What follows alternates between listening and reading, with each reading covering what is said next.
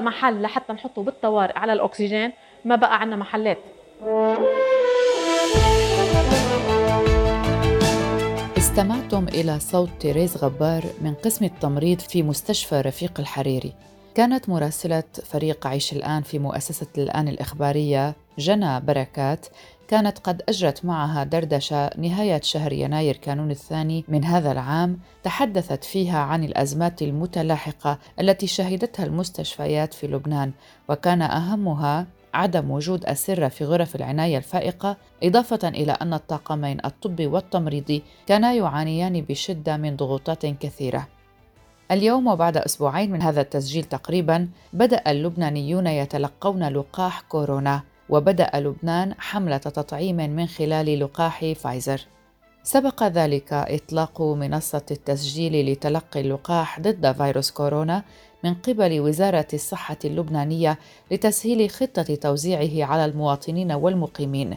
طريقة التسجيل كانت سهلة حسب النائب عاصم عراجي رئيس لجنة الصحة النيابية في لبنان، فببساطة يضع المواطن أو المقيم بياناته اسمه الثلاثي وعنوان سكنه وإذا كان يعاني من أي أمراض مزمنة مشيرا إلى أن وزارة الصحة وضعت شروطا أساسية وأعطت الأولوية في تلقي اللقاح للعاملين في القطاع الصحي والمسنين والمصابين بأمراض مزمنة وسجل أكثر من نصف مليون طلب لتلقي اللقاح على منصة إلكترونية خاصة وفق وزارة الصحة. اليوم وحسب عراجي حصل أغلب اللبنانيون على أول دفعة من اللقاح في الأسبوع الثاني من شهر شباط من خلال 42 مركزا لأخذ اللقاح كمرحلة أولى وأكد أنهم سيزيدون من عدد المراكز كلما وصلتهم أعداد إضافية من اللقاح.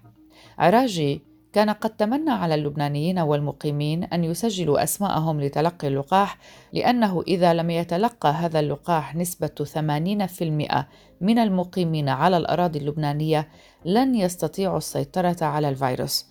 وهذه الدعوة تبناها أيضا أطباء لبنانيون لحث المواطنين على أخذ اللقاح دون خوف أو تردد خاصة وأن أعداد المصابين بفيروس كورونا في ارتفاع مستمر كحال أعداد الوفيات التي وصلت قبل ثلاثة أسابيع من اليوم إلى 51 حالة.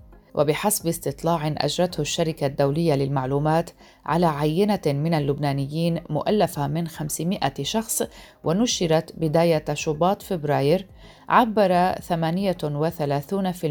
من المستطلعين آرائهم عن عدم رغبتهم في تلقي اللقاح للحماية من كورونا بينما وافق 31% منهم على تلقي اللقاح فيما لم يحسم 31% قرارهم بعد.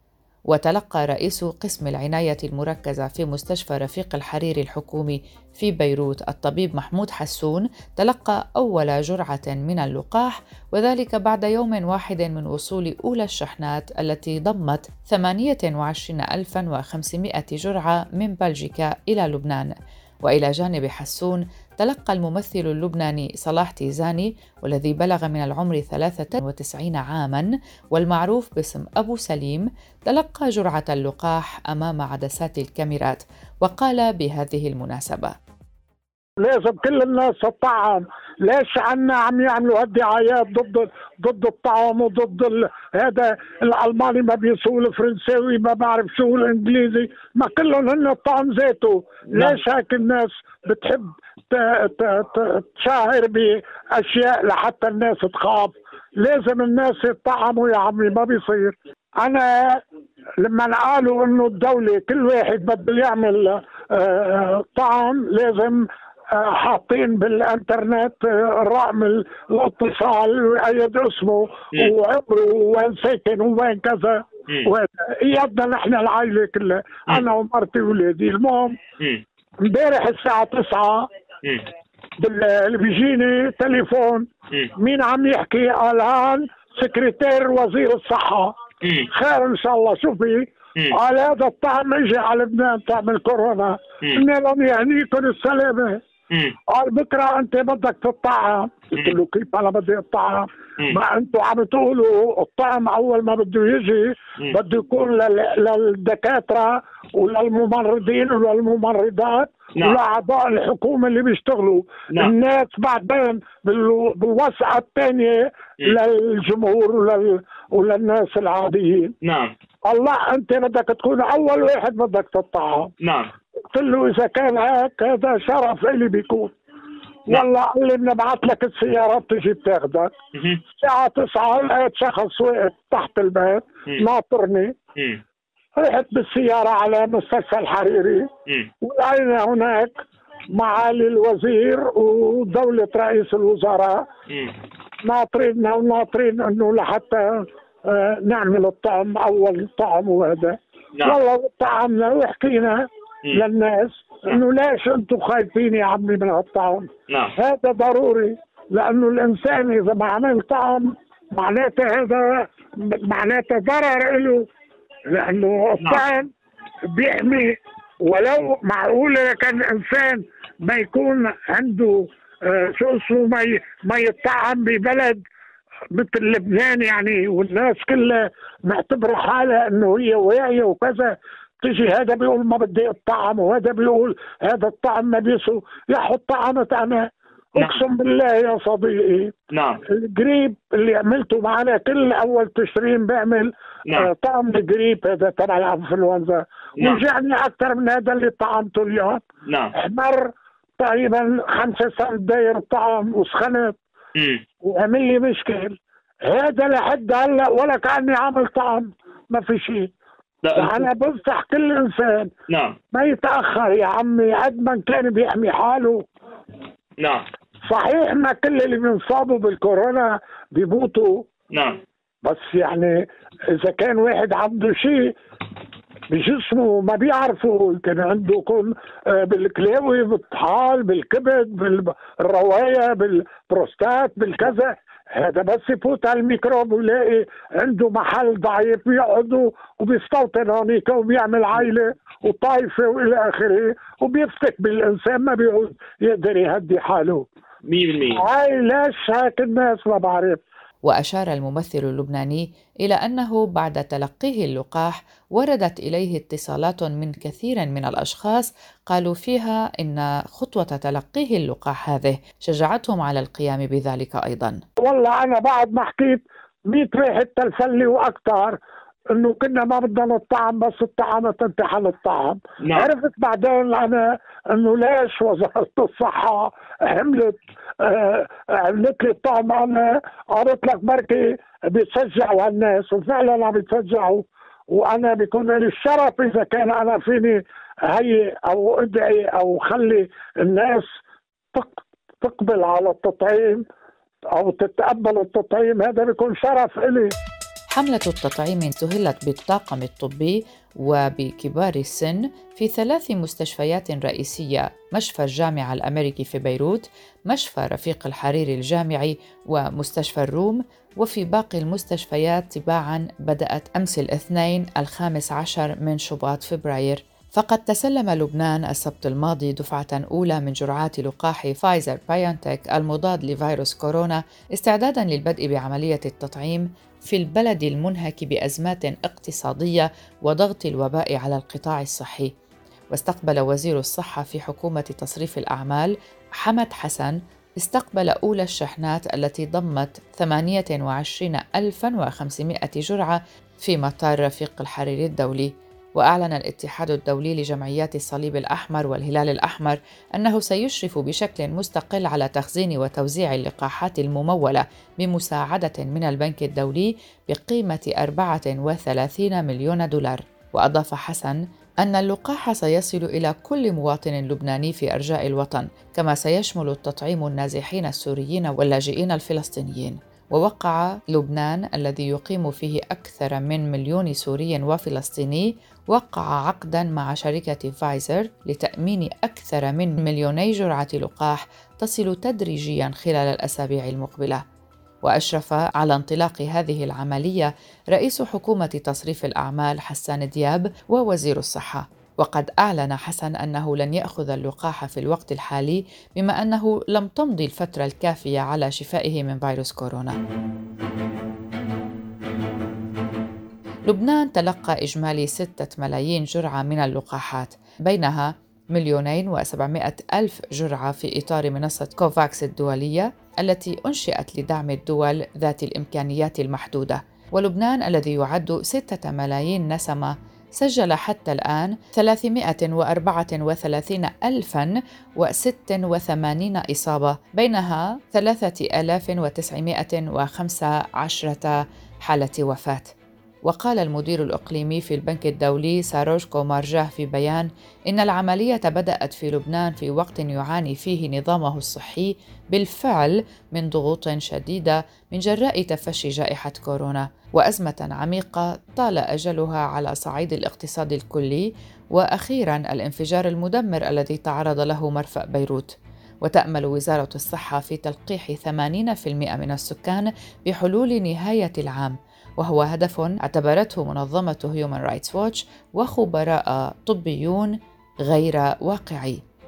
رئيس اللجنة الوطنية لإدارة لقاح كورونا في لبنان الدكتور عبد الرحمن البزري الذي تواجد في مستشفى رفيق الحريري الجامعي أكد في تصريح خاص لمنصة عيش الآن أن خطة توزيع اللقاحات حسب الأولوية تسير بشكل عادل وشفاف وعلى أسس علمية. مطمئنا اللبنانيين بأن الجرعة الثانية من اللقاح ستكون متوفرة لكل من أخذ الجرعة الأولى. وبعد يومين على بدء خطة اللقاح سجل لبنان أمس الاثنين في الخامس عشر من فبراير شباط سجل أدنى حصيلة يومية لإصابات فيروس كورونا منذ أسابيع في وقت تتواصل فيه عملية التطعيم.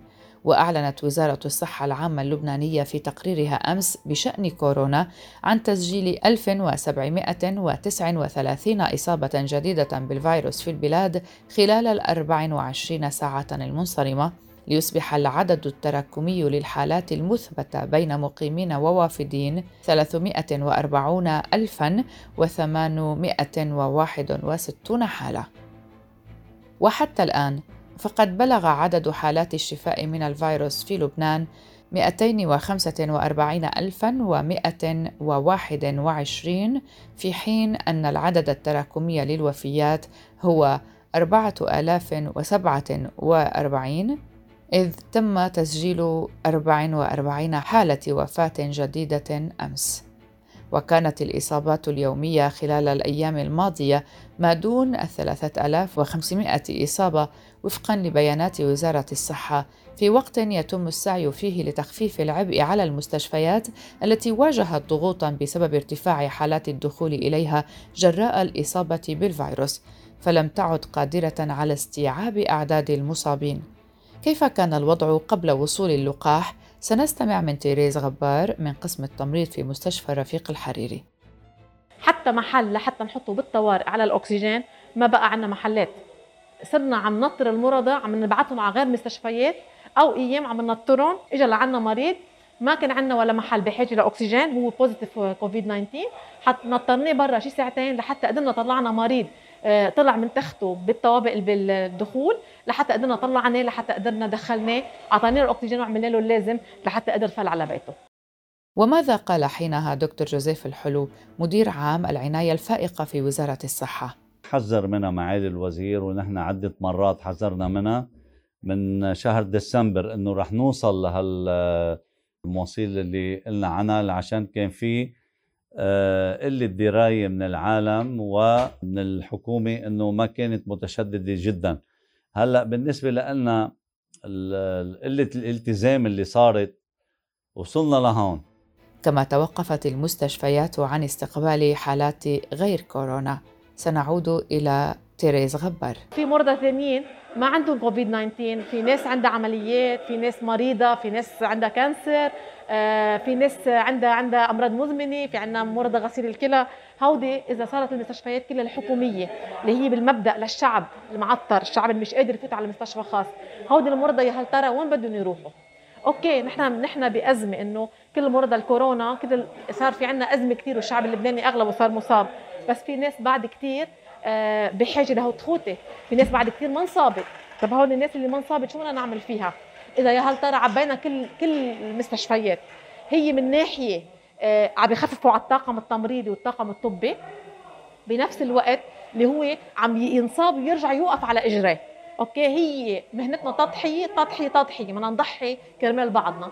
بس كمان للمرضى الباقيين بدنا نترك محلات مريض السرطان بحاجة يفوت على على على تخت ياخذ تخت بقلب المستشفى وياخذ حقه. المريض اللي غسيل الكلى نفس الموضوع ال baby الصغير نفس الموضوع. آه هودي وين بيروحوا؟ وين بيروحوا في بعد لغط بالموضوع هيدي منا بدها خطة بدنا plan يرضي كل العالم. يرضي الكبير يرضي الصغير يرضي المريض اللي critical اللي هو كثير حالته خطرة. ويرضي نفس الوقت مريض الكورونا اللي بحاجه لاكسجين ياخذ. فينا نبعته على بيته يتحكم ببيته أو اللي هو بحاجه يدخل admission يمكن يحتاج يوم يمكن يحتاج 10 أيام. وبدأ لبنان في الثامن من شباط فبراير التخفيف تدريجيا من القيود المفروضة لاحتواء فيروس كورونا وذلك بعد أكثر من ثلاثة أسابيع من الإجراءات الصارمة التي فرضت لوقف زيادة الإصابات وتخفيف العبء عن المستشفيات المكتظة. وفرض لبنان حظر تجوال على مدار الساعة عندما ارتفعت الحالات بعد أن أدت الإجراءات المتساهلة خلال عطلة عيد الميلاد إلى ارتفاع عدد الإصابات واستنزاف قدرات المستشفيات وزادت السلطات عدد الأسرة في المستشفيات لمرضى كوفيد-19 لكن كل المرافق الطبية شبه ممتلئة وبلغت معدلات إشغال وحدات العناية المركزة نحو 88.6% في كل أنحاء البلاد. و96.3% في بيروت وفق أرقام نشرتها منظمة الصحة العالمية.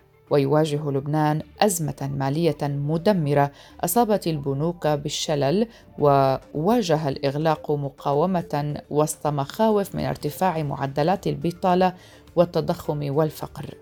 لكن الفقر والوضع الاقتصادي يشغلان بال الأسر أكثر من كوفيد 19 هيدي هي البلد. وأنا تكملت على الحاويات وتعملت 12 ما فيني أعيش. يعني من حاوي لحاوي.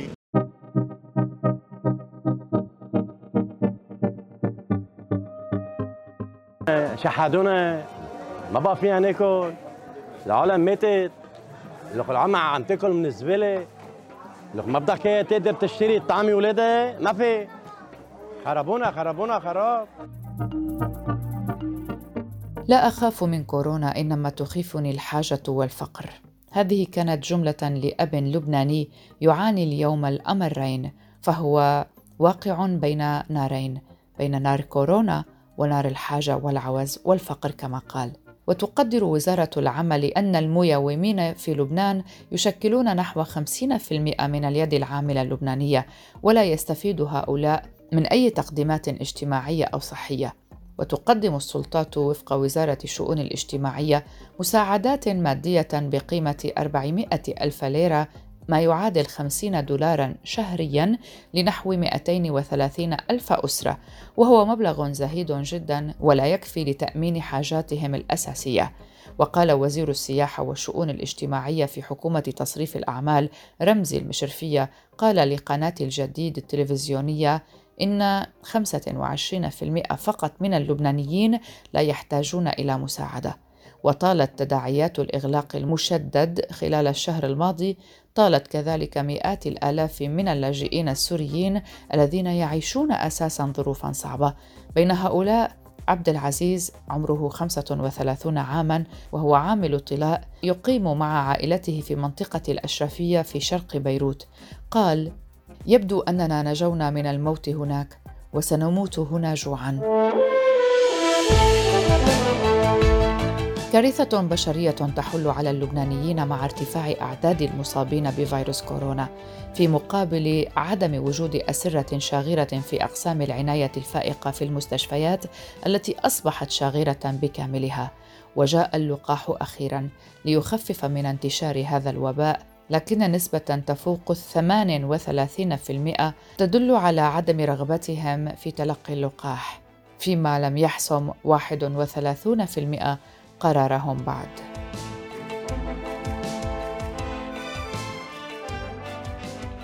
هذه كانت حلقة من بودكاست في عشرين دقيقة من إعدادي وتقديمي براء صليبي. شكرا لحسن المتابعة. إلى اللقاء.